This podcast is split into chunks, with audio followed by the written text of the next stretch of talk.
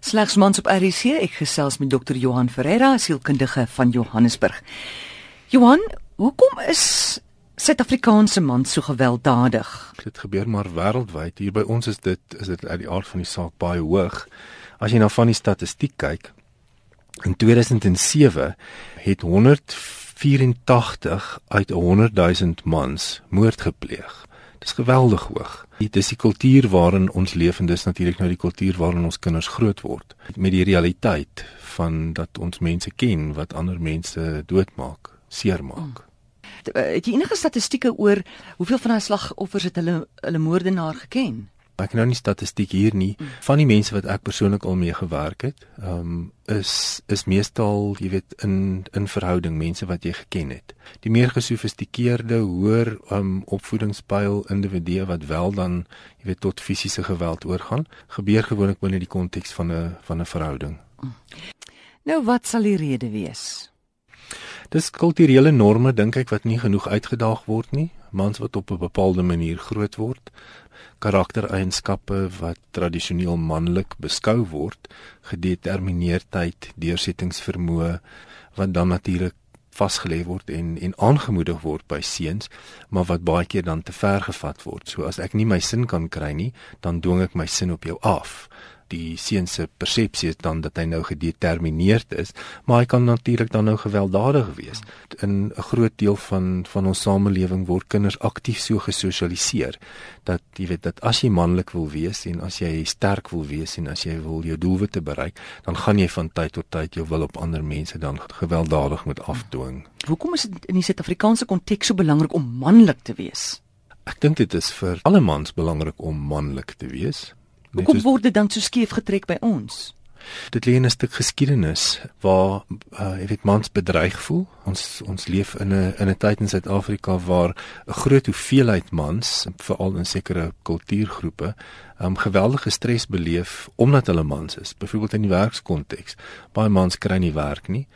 Baie mans se se loopbane word spesifiek benadeel omdat hulle dan wel mans is en sal daai manlike eienskappe dan baie sterker na vore kom omdat hulle hulle self dan nie professioneel effektief kan uitleef nie, dan raak hulle aggressief en moeilik by die huis byvoorbeeld om dan nog steeds te voel dat hulle in beheer is van hulle lewe.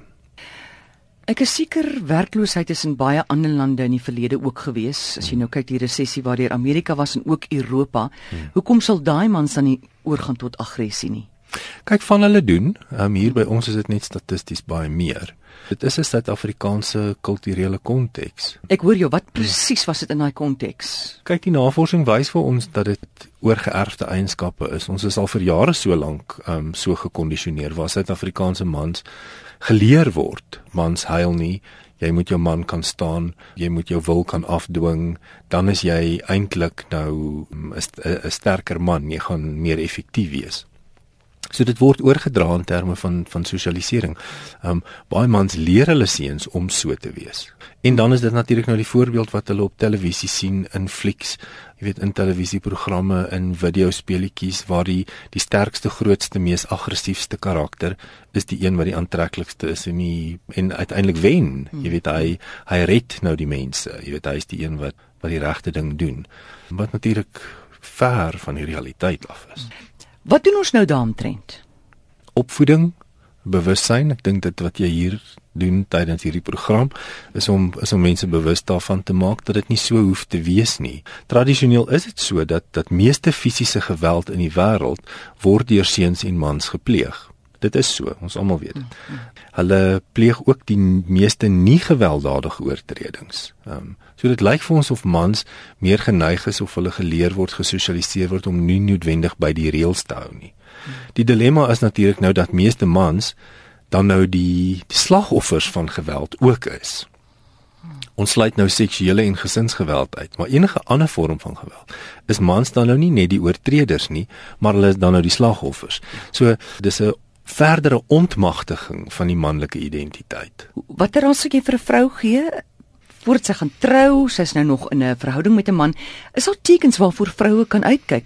Meeste verhoudings wys dit redelik vroeg. Dit begin met manipulerende gedrag en as jy met mense praat wat in gewelddadige verhoudings leef, dan sal hulle baie duidelik vir jou sê dit was eintlik van die begin af so gewees. Mm. Daar was duidelike tekens waar die die die man sy wil op die vrou afdwing, waar dit onredelik is en waar hy dan intimidasie, jy weet en en fisiese geweld begin gebruik indien hy gefrustreerd is of indien hy nie sy doelwitte bereik nie. Meeste mans is nie nie noodwendig, jy weet, terughoudend met met geweld nie. Dis nie asof hulle voel dis verkeerd nie. Die wat die geweld gaan pleeg, um, is eintlik gewoonlik baie gemaklik daarmee. Hulle beskou dit as aanvaarbaar. So gesels Dr. Johan Ferreira, sielkundige van Johannesburg. Jy kan hom kontak by Johan F by mosaik.com.